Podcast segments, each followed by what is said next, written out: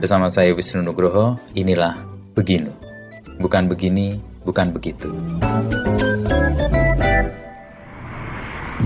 Halo pendengar setia Beginu, selamat datang di episode terbaru persembahan Kompas.com dan Media Podcast Network.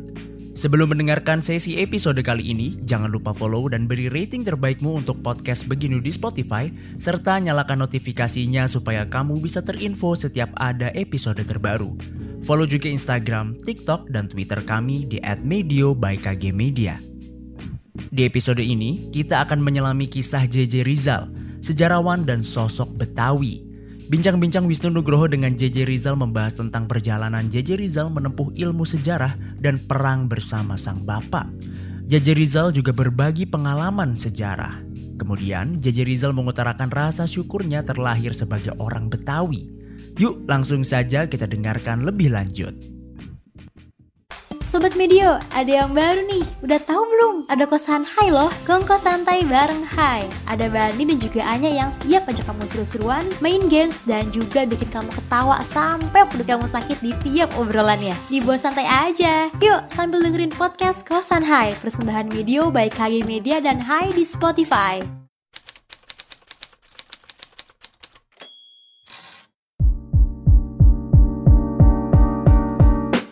Tapi gimana aja, lo sampai pada titik ini ceritanya gimana sih? JJ Rizal, sejarawan, kedua juga Betawi, lo jaga dengan baik, yang ketiga lo buku dan komunitas bambu ini. Ya itu awalnya tuh karena gue seneng satu teater tradisi di Betawi. Mhm. Namanya Sahibul Hikayat. Ah, saya boleh kayak cerita itu. ce- Sahibul Hikayat ceritanya itu cerita petualangan. Mhm. Manusia dengan jin dalam berbagai kaliber gitu. Jadi kalau kita dengar radio-radio tahun 70, 80 gitu ya, itu itu selalu ada siaran radio yang isinya adalah si Jait gitu. Jahit tokohnya. Jait itu apa Jin. tukang sahibul hikayatnya. Oh, tukang Saibul Iya. Hikayatnya. Dia tuh orang tenabang. Mhm. Nah, dia bawain cerita tuh salah satu misalnya gue inget tuh Ma'ruf tukang sol sepatu. Wah, Ma'ruf Nah, tukang- Ma'ruf tukang Mhm. sol sepatu akhirnya kawin sama putri raja karena si Ma'ruf ini ketemu jin. Nah, jin inilah memungkinkan hidup dia berubah. Hmm, dari tukang sol sepatu. Dari tukang sol jadi- sepatu menjadi menantu raja gitu. Ya kan? Nah, satu adegan yang gue ingat banget tuh itu jin punya bini dan punya anak. Mhm. Itu bininya si jin lagi nidurin anaknya. Pakai ayunan, maka diayunlah tuh anak. Seng! Kelepas. Satu tahun lagi baru balik. Oh itu imajinasinya Iya, iya, keren iya, banget iya, kan? kan? Gila ke mana aja Iya, setahun? satu Oke. tahun. Iya, iya. Terus orang tuh pada ketawa kan semua. Terus gue berpikir asik sekali ya jadi tukang cerita gitu. Oke. Menceritakan orang tentang sesuatu yang ajaib gitu. Membantu orang berimajinasi. Iya dengan imajinasi gitu. Dan waktu itu gue baru bisa baca kan. Gue bisa baca kelas 3 SD. Hmm, Dan lu udah dapet ini, Iya. Sohibul Hikayat Karena gue kan diambil nenek gue kecil. ini. Mhm. Dari pihak ibu. Oke. Dia tukang rias di Betawi. Ah, Jadi karena tukang rias dia ngawinin ke mana ada Saibul Kayat Oh, dia ngeriasin gue nonton Oh, gitu. Dongeng-dongeng itu Iya. diceritain. Sahibul Kayat tuh. Nah, itu gue terpukau sama tukang cerita. Gimana ya? Kayaknya asik jadi tukang cerita. Nyeritain orang, semua orang bahagia begitu ya. Dengan dia nggak ada modal apa-apa, nggak ada nggak ada Peralatan, iringan musik apa dia cuma Ngomong. teater tutur aja mulut gitu gimnastik bahasanya yang memukau gitu Wah, keren ini gitu terus kebayang-bayang gitu nah bisa baca gitu carilah tuh bacaan Mhm. ketemulah tuh misalnya rampogan di Jawa oh dulu ada orang apa berkelahi dengan macan gitu ya. Jadi cerita oh raja-raja zaman dulu yang besar-besar ada raja ratu segala. Nah mulai. Mulai tuh di SMA tuh nggak pernah ingat lagi cita-cita itu. Karena Sibuk dengan gue pelajaran. disuruh sekolah.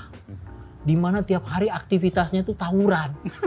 Sekolah di mana? di? SMA negeri 2 Waduh, oke. di kota. Waduh, duh, duh, duh, dan gue jadi minoritas. Hmm. orang Betawi Islam mayoritas kan di kota tuh deket lo cokin semua mau Iya, Cina iya. jadi kalau pelajaran agama biasa gue di SMP yang Kristen yang keluar Lo yang keluar. sekarang gue yang keluar Oke.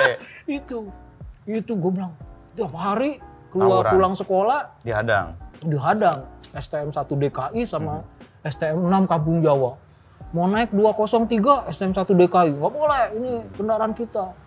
Mau naik 204 nggak boleh, ini kendaraan Oke. kita. Kita naik kapan? Masa jalan kaki gitu kan. Akhirnya ngeba- apa ada satu kendaraan cuma patas 22. Oke. Kita naiklah patas 22. Hari pertama naik nggak ma- nggak masalah, hari kedua naik nggak masalah, hari ketiga kita naik dalamnya kena semua digebukin. Kenapa digebukin? ya karena bayarnya sama dengan bayar lu bis biasa. Beda, patas kan Iya. lebih mahal. Iya. Oke. Wah, jadi itu itu sibuk lupa sama apa sama Cita-cita awal. Kepengenan Tapi itu jadi- sebenarnya kan mengendap dan ada di Iya, dalam nah, diri lo. kemudian gue UMPTN kan. Oke. Iya, saya mau Ingat lagi. mau ngapain gitu. Pilih apa? Mau Itu kuliah kan bingung. bingung ya. Itu kan momen di mana lu menentukan masuk jurusan apa kan lu bingung gitu. Iya. Nggak ada panduan, nggak ada apa gitu. Akhirnya kok ada jurusan sejarah gitu. Oh, lo ngelihat itu lalu Iya. calling back. oh iya gue mau masuk jurusan sejarah supaya bisa jadi tukang cerita gitu. Oh, Kan oke. akhirnya tuh sejarah itu bagaimana bercerita kan gitu. Hmm. Jadi gue pilih lah jurusan sejarah. Pertama, jurusan kedua ekonomi. Hmm. Jadi sejarah UI, kedua ekonomi UI. UI juga. Ah, iya. Terus bokap gue nanya, gimana lo? Pilih jurusan apa? Mau MPTN? Jurusan sejarah. Loh, Kaget dong bokap. jurusan sejarah. Pertama apa kedua? Pertama dong. Kedua apa? Ekonomi. Goblok. Balik. Ekonomi dulu baru sejarah katanya. Kelas Kan dua yang nih sejarah. ya, Oh, gitu. Oke. Udah. Ngomelin gue. Ubah. Ekonomi dulu baru Baru sejarah. Dia tidur kan? Mhm. Gua hapus bro. Gua ubah lagi sejarah pertama, ekonomi kedua. Durhaka nih anak. Sembah, sembahyang subuh, gua disiramin air bos. Dasar anak durhaka lu, di, ngomongin orang tua katanya udah diubah depan mata gua, lu ubah lagi. udah gua ubah tuh mau berangkat sekolah bos. Tetap sejarah yang pertama. Lu enggak ekonomi Oh, lagi. ekonomi, karena ekonomi didurhaka-durhakain, Iya, oke. ekonomi lagi gua masukin sejarah kedua. Mhm. Berangkat sekolah naik bis. Di sekolah kan kagak ada bokap gue, gua Oh, ya? ubah bos. Sejarah nomor satu. Ekonomi Ekonomi nomor dua. Iya, kenapa? Karena kalau gue disuruh masuk ekonomi, gue kan harus ikut bimbel, harus belajar, harus Oh, apa. oke. Lah jurusan sejarah, kagak belajar juga lu masuk kan. Iya kan waktu itu Pragmatis banget 90 pertimbangan lo ya. orang yang diterima 30 masa gue ngalahin tiga orang kagak bisa, bisa, gue ya. bilang gitu kan. Ya udah gue mending dong. Di Tomang Tol tuh gue mending dong, Oke. 1942. ya kan? Wah. Kasihin koin. Iya, bokap gue. Lu nggak ikut bimbel masuk ekonomi? Pasti bisa lah, beli bukunya Eh, aja. belum tahu kan iya, kagak- lagi. Oke. Tiba lah masa Pengumuman pengumuman. UMPTN. Geger bos. Rizal dapat UI. Ri. Oh. Bokap gua kan langsung mikirnya Ekonomi. sekolah calon menteri ekonomi gitu. Gue puyeng bos jelasinnya gimana. Ini jelasin dia. Ya itulah. Hmm. Kayak gue masuk jurusan sejarah, ketemulah hari pertama ada kuliah yang diberikan langsung oleh orang yang nama Ong Hokam. Oh, itu orang. Kuliah sambutan ya gitu. Kita nggak tahu nih siapa, cuma baunya doang kita tahu. Oh, ternyata bau banget. Masuk kelas bawa kantong isi ikan bandeng. gue ingat pertanyaan pertama masuk kelas gini. Tanam paksa. Hmm. Kalian tahu tanam paksa? Oh, pertanyaan itu. Ya kita semua kan udah pelajaran tanam paksa. Tahu. Apa? Apa yang diperlukan tanam paksa? Wah, jawablah bertele-tele. A, B, C, D. Goblok. Tanah. Kalau nggak ada tanah, mau Kagak tanam di tanam. kepala lu. Udah cerita lah tuh tentang tanam paksa pusatnya Dengan pada tanah. tanah. gitu. Gimana pemiskinan. Gue bilang, wah Makin terpukau lo. iya keren ini gitu kan. Besoknya palapian aja. Wih. Iya kan. Orang besar semua. Palapian ngajar. Bawa poster Yurika Prastika. Pembalasan Ratu Laut Selatan. Ya agak-agak gitu kan. Wah, ngajar apa lagi? Dia jadi ngajarin tentang bagaimana sejarah membaca fenomena Ratu, Laut Selatan. Oke. Jadi dijelasin bahwa kenapa Ratu Laut Selatan muncul? Karena raja-raja Jawa itu harus mempertahankan kehormatannya dia ketika seluruh kekuasaan Jawa di laut diambil alih oleh company.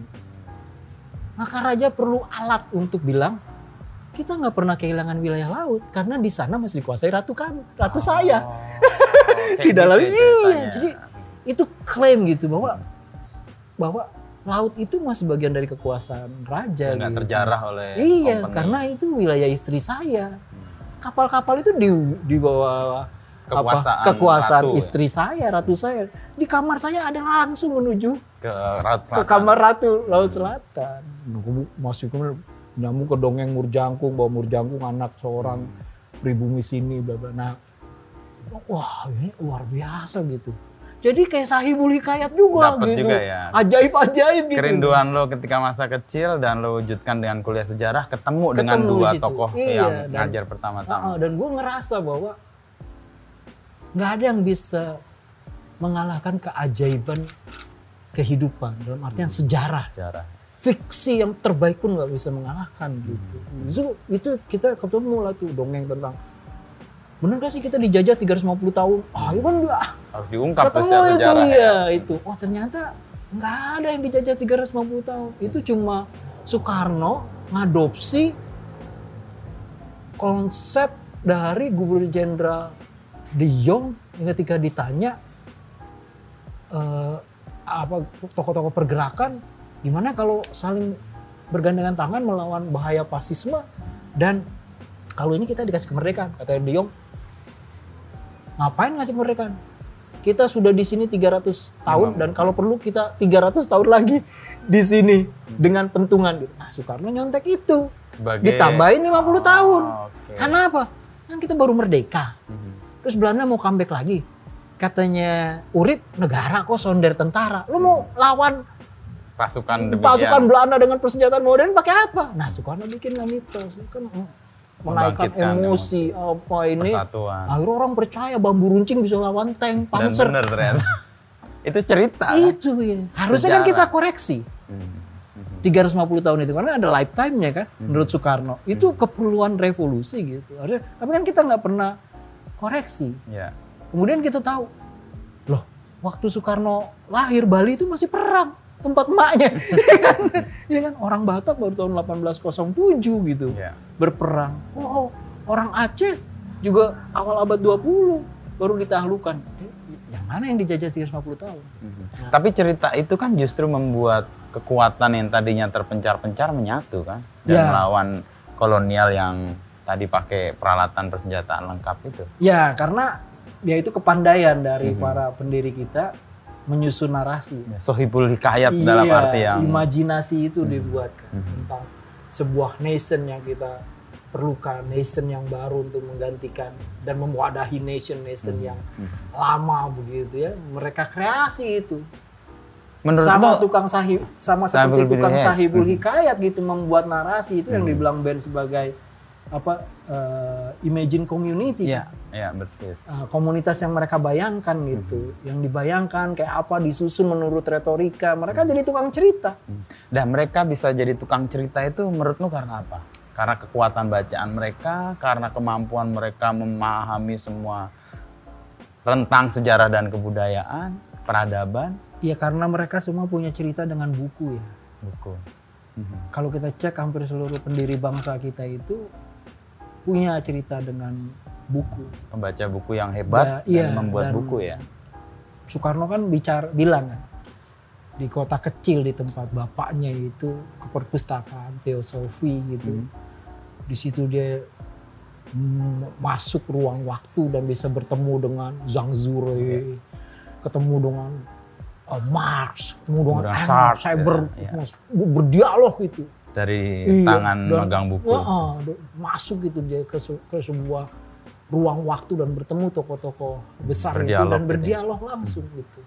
Lalu hasil dialog itu dibawa ke pertemuan-pertemuan langsung dengan tokoh-tokoh yang lain kan. Mhm. Jadi percakapan begitu. Diskursus gitu ya. Iya, jadi bacaan akan mati kalau nggak ada percakapan. Itu Mhm. dipercakapkan kan. Akhirnya menjadi polemik, Mhm. menjadi penguatan gagasan, tesis antitesis, terbentuk terbentuk terbentuk begitu. Iya. Nah, kayak gitu. Eh, itu yang membuat apa yang mereka imajinasikan itu mengental gitu. Mhm. Karena Dan menjadi ya. alternatif kan. Misalnya dari mana mereka bisa memahami bahwa kolonialisme itu adalah mesin bahasa. Mhm. Nah itu kan dari bacaan kan. Iya, iya. Jadi kolonialisme itu memberikan nama-nama. Wah ini pribumi nggak punya nama kita kasih Hindia Belanda. Hmm. Siapa yang ngasih nama? Bu, buat orang pribumi itu kita, itu bukan kita. Maka mereka tugasnya adalah mencari counter culture dari Hindia Penamaan Belanda. itu ya. Dari mana? Dari bacaan mereka mulai Indonesia. Kan Indonesia bukan bahasa Jawa, bukan Ya. bahasa Minang, bukan Nah, bahasa itu terjadi karena pertemuan Iya, tadi ya, karena gagasan, pertemuan bacaan ngobrol. gitu. Akhirnya mereka menemukan. Jadi counter itu, oh ini bentuknya kolonialisme, sebuah sistem otoritarianisme Mhm. yang harus kita kembangkan republikanisme gitu. Nah itu ketemu itu gagasan-gagasan itu. Persis juga mungkin ideologi kita juga ketemu karena Pancasila itu ya. Iya. Karena benturan atau dialog dari banyak isme-isme itu juga ya. Iya, makanya Soekarno bilangnya itu kan dikatakan Soekarno itu simpul pemikiran. Simpul pemikiran. Jadi Padahal yang pemikirannya membuat banyak. iya membuat Soekarno itu besar karena dia adalah simpul. Jadi kita nggak mungkin merayakan Soekarno tanpa merayakan Hatta, Oke. tanpa merayakan Tan Malaka, Tan Malaka. tanpa merayakan Sahrir, Sahrir. tanpa merayakan Natsir, tanpa merayakan Tamrin, tanpa merayakan Cipto, tanpa merayakan Dos Dekker gitu. Kita harus merayakan bersama. Kita nggak cukup bikin patung Soekarno di mana-mana. Mhm. Dia akan kecil karena dia nggak akan kelihatan kekuatannya sebagai Simpul reaktor tadi ya. yang menyimpulkan seluruh kekuatan itu, ya kan? Dan dia pendam itu, seluruh kekuatan itu dia pendam dari ma- dari masa lalu dia angkat. Makanya di Pancasila kan dia bilang saya hanya penggali, Persis. Ya. saya tukang gali kayak jadi. Gue pikir Pancasila kayak ubi gitu digali ya, Ketemu, unsur ya. gizi dari mana-mana digali sama dia. Dan dia memposisikan bukan sebagai orang yang menemukan, Mhm. tapi seorang yang menggali. Dia tahu betul gitu ya. Barang yang dia simpan dari Banyak mana-mana dibentuk pemikiran itu yang dia gali dan Lu dia baru bawa. enggak nih soal bagaimana Soekarno adalah simpul. Hmm. Artinya kalau kita mengagungkan Soekarno, kita akan keliru kalau tidak mengagungkan Syahrir, Iya. Hatta, Tan Iya. Malaka, Dos Dekker, Betul. dan orang-orang yang membentuk pemikiran menjadi utuh seperti Iya. Soekarno itu. Tema sentral Soekarno itu kan persatuan dalam kebinekaan. Mhm. Jadi dia tuh bisa menjadi apa ya? Trade the union gitu. Ah, oke. Tali penghubung itu, Ya, kan, ya, simpul itu. Aneka macam pemikiran. Itulah persatuan Mhm. dan itulah kebinekaan Hmm. buat Soekarno. Itu jadi Soekarno orang yang paham benar sebagai orang Jawa bahwa kebudayaan Jawa awalnya kebudayaan petani yang kecil kan. Mhm. Tapi kenapa dia bisa jadi besar? Karena dia inklusif kan, dia terbuka. Terbuka. Dan semua orang yang masuk Dan semua yang masuk iya. Dia akan berusaha sedemikian rupa menampung Hmm. dan bahkan membuat tali temali ke mana-mana dan karena begitu dia Hmm. Jadi punya besar. tentakel untuk menyedot kan Mhm. dan kemudian menjadi kebudayaan yang besar Mhm. yang unik yang tidak ditemukan di tempat yang lain Ya, tapi karena juga dia nah, inkulturasinya terjadi kan. itu itu Soekarno Mhm. dan menurut gue itu bukan hanya Jawa ya kita bisa lihat itu terjadi di Sumatera kita bisa lihat Ya, terjadi kemampuan beradaptasi, Nah, menerima karena yang bentuk berbeda. kita kan archipelagic state ya, negara Kepulauan. bukan keliru Benua. kalau kita menerjemahkan Oh. itu archipelagic state sebagai kepulauan. Apa? Artinya kita keliru memandang bahwa sebenarnya yang besar itu kan airnya, bukan daratnya. Jadi ketika kita bilang negara Hmm. Kepulauan kepulauan, itu penerjemahan itu daratnya. ya daratnya. Oh, Padahal yang besar kan airnya, Hmm, iya kan? Harusnya kita nyebutnya negara laut utama. laut utama. Iya, lautnya yang yang yang utama. Itu kenapa raja-raja masih punya muka karena lautnya belum dikuasai oleh para kolonial itu. Bisa Nah, masuk di iya. situ. Nah, Lapian kan itu Pak Lapian ya yang tadi ngajar Ah, tentang yang pertama pertemuan tentang Nyai Roro Kidul itu paling menarik kan dia Hmm. cerita bahwa bagaimana kesadaran the Dutch Seaborne Empire ya, kemaharajaan laut Belanda yang awalnya maskapai dagang namanya company kemudian menjadi negara Hindia Mhm. Belanda itu bahwa jantung peradaban eh, Nusantara itu itu desa Desa yang bukan hanya ada di darat tapi juga di di laut. laut. Hmm. Nah, persoalannya kita sudah menguasai yang di darat, tapi yang di laut bagaimana? Mhm. Ini kan banyak negara-negara yang berdeka, negara-negara laut, bahkan ada orang lautnya yang Ya, ya. yang besar begitu ya. Dan zonanya itu dia nggak zona mengikuti yang pikiran administratif kita hari ini gitu. Mhm. Tapi ada zona laut Sulawesi yang sampai ke Filipina, Ya, apa, ya. kayak gitu. Zona laut Sawu, kemudian zona laut Papua kayak gitu, Sumatera, Jawa dengan Kalimantan. Nah, mereka hidup menurut zona laut gitu ya. Nah, Maka untuk menguasai ini mereka buat term yang dunia kolonial semuanya, baik Inggris, Belanda. Spanyol, Amerika, mereka punya satu persepsi bahwa negara-negara yang merdeka di laut ini, yang kerajaan maritim ini, itu bajak laut. Oh, Jadi dicap, dikriminalisasi. dikriminalisasi supaya bisa mereka perangi. Hmm. Dan itu berbarengan dengan era ditemukannya senjata-senjata modern. Itulah era habisnya masa kata Pal- Palapiannya. Masa kita sebagai raja laut karena muncul adi raja laut yang namanya Belanda. Dan cara mereka menjadi adi raja laut Memerangi ya itu. mencap Mengkriminalisasi. mengkriminalisasi sebagai bajak laut. Jadi kalau dalam jurnal-jurnal laporan Belanda tuh selalu ada kok bagian yang namanya G-Rover, bajak laut. yang harus diperangi. Yang harus diperangi bukan hanya oleh ini tapi oleh seluruh kekuatan Dunia. kolonial dunia yang ada di Asia. Mereka pakai itu untuk mencap negara-negara merdeka, kerajaan-kerajaan merdeka, jantung dari kekuatan Nusantara yang merdeka itu yang di luar daratan itu Hmm. sebagai Sebagai bajak laut. itu pola itu kalau nanti kita lihat kan dipakai juga orde baru ya, untuk ngecap kekuatan di luar Iya.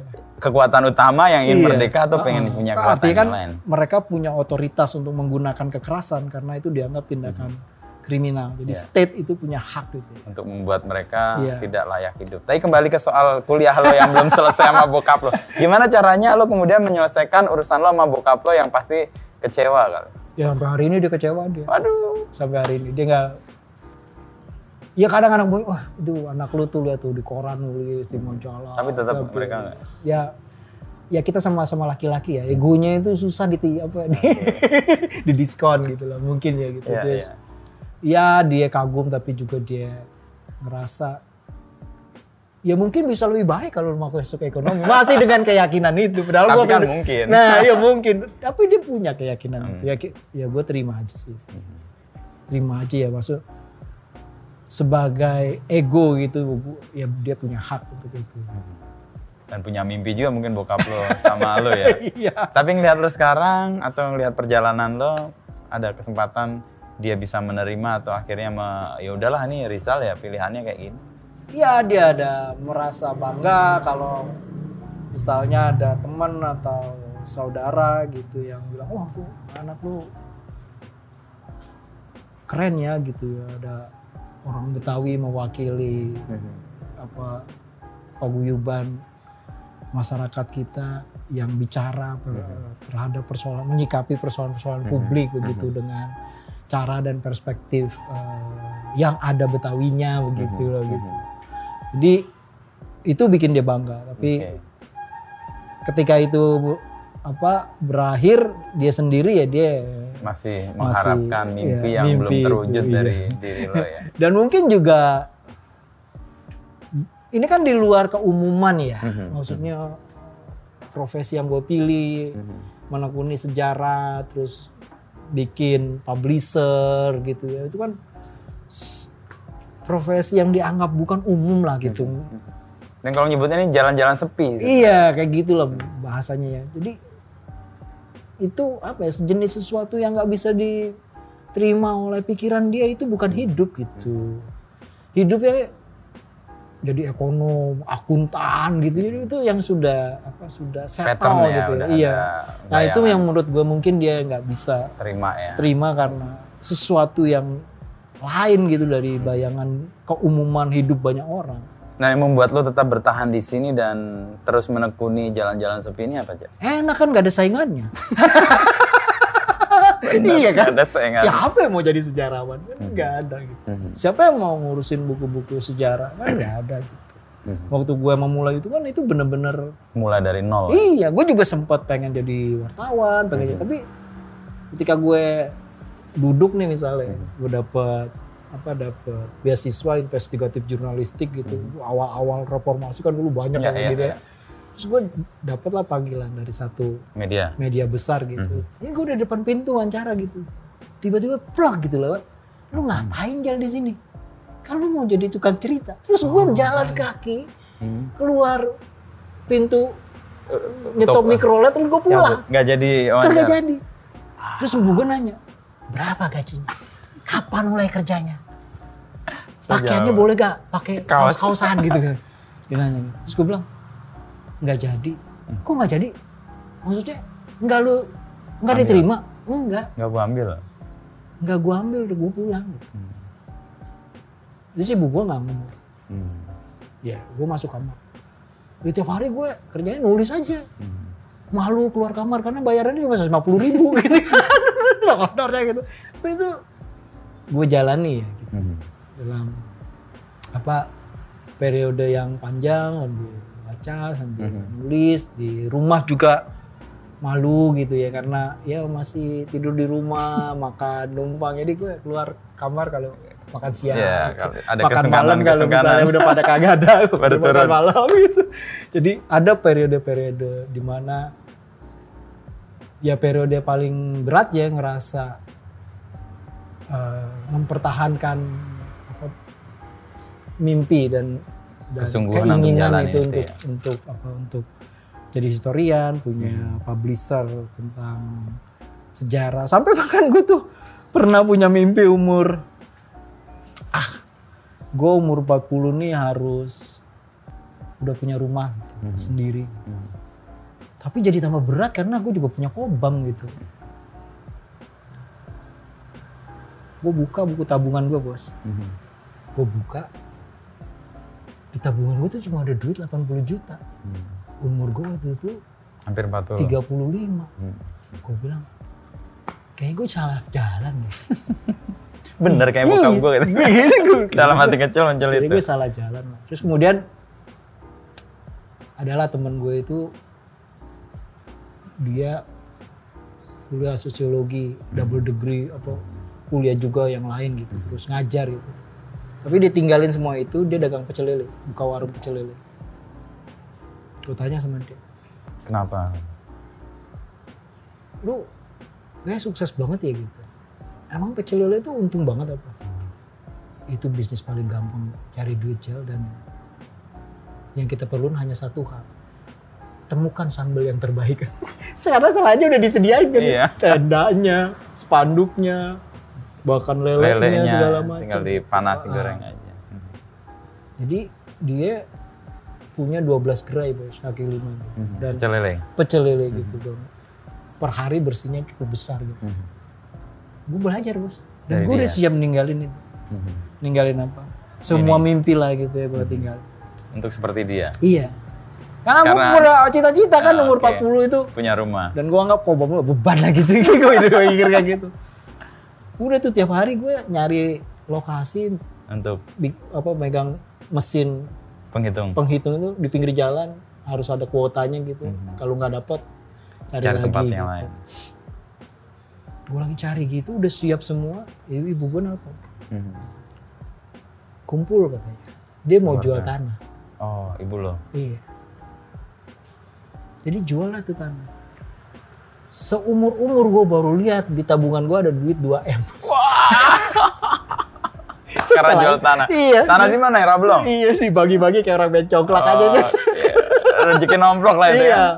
Terus gue pulang kan, terus gue berpikir, Pecel lele pergi nih kayaknya. iya. Kata ibu gue gini, di keluarga besar kita yang kaya banyak, yang punya duit banyak. Tapi yang pinter jarang. Yes. Jadi anggapnya ini modal. Oke. modal supaya Lo bisa melanjutkan terus kepinterannya. gitu. Udah gue pulang. Mikir lo. Iya. Gue bilang mungkin gue selama ini terlalu ngehe kali hidup gue ya. Terlalu sombong begitu ya. Gue sebagai pengamat kebudayaan, sejarah Jakarta, Betawi itu suka ngata-ngatain orang Betawi kan. So kritik, suka apa gitu. Tapi ternyata yang nolong hidup gue hari ini bukan gelar gue, bukan gue masuk keluar TV, nulis di media apa. Enggak. Yang nolong gue itu karena gue di Keluarga. lahirin Tuhan di keluarga orang Betawi, yang punya tanah terus jual tanah dan akhirnya gue Kebagian. bisa ngelanjutin hidup dan apa yang pengen Mhm. gue raih dalam hidup gue, cita-cita gue gitu. Jadi gue mikir, iya kayaknya gue mesti insaf ya, gue mesti terima kasih bukan hanya karena gue lulusan UI, kuliah sejarah, nulis ya. di mana-mana, tapi Tuhan nurunin gue jadi orang Betawi dan itu yang menyelamatkan bukan si gue. jadi mulailah, jadi selamatlah semua. Oke. Jadi pecel lele pergi. Inilah. Lo mulai bangun kobam. Bangun. Hmm, rumah ini ya. Heeh. Karena kebetawian. Iya. Apa nilai kebetawian yang menurut lo kemudian anggap ini bagian yang lo syukuri karena lo orang Betawi? Ya menurut gue yang gue syukuri dari kebetawian gue adalah sebenarnya gimana ya ngomongnya?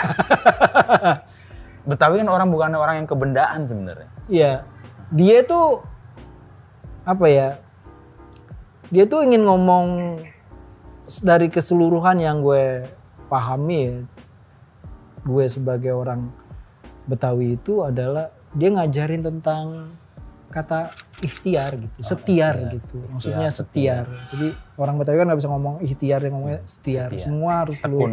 lu ikhtiarin dan dalam kata ikhtiar itu yang paling menarik menurut gue dia menolak ketergantungan ya, Merdeka. Iya, kemerdekaan gitu. Jadi nggak ada orang Betawi karena kolonialisme yang panjang begitu di sini ya, mungkin yang usianya hampir 300 tahun selain Ambon ya cuma Jakarta, cuma orang Betawi gitu. Dan itu membuat dia itu menjaga jarak dengan seluruh institusi begitu yang membuat dia kehilangan kemerdekaan terutama institusi-institusi asing. Jadi nggak ada tuh orang Betawi kerja di institusi birokrasi Dia orang kolonial. merdeka ya. Jadi mereka jadi mardikers gitu, orang merdeka begitu. Nah, dalam kemerdekaannya itu dia harus meras mensyukuri apa yang dia Dia terima dan miliki. dia cukup Ah, dianggap nilai cukup, itu gitu, ya. nilai enough gitu itu.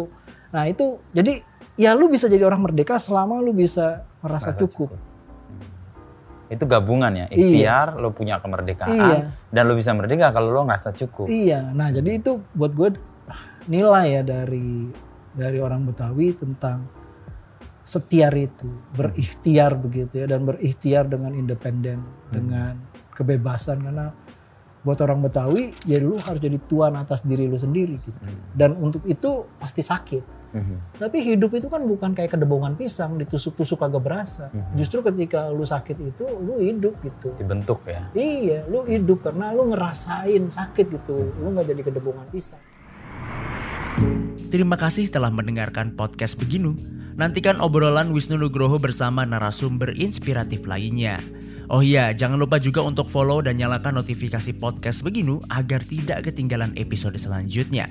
Saya Dava Wahyu dan segenap tim Media Podcast Network pamit undur diri.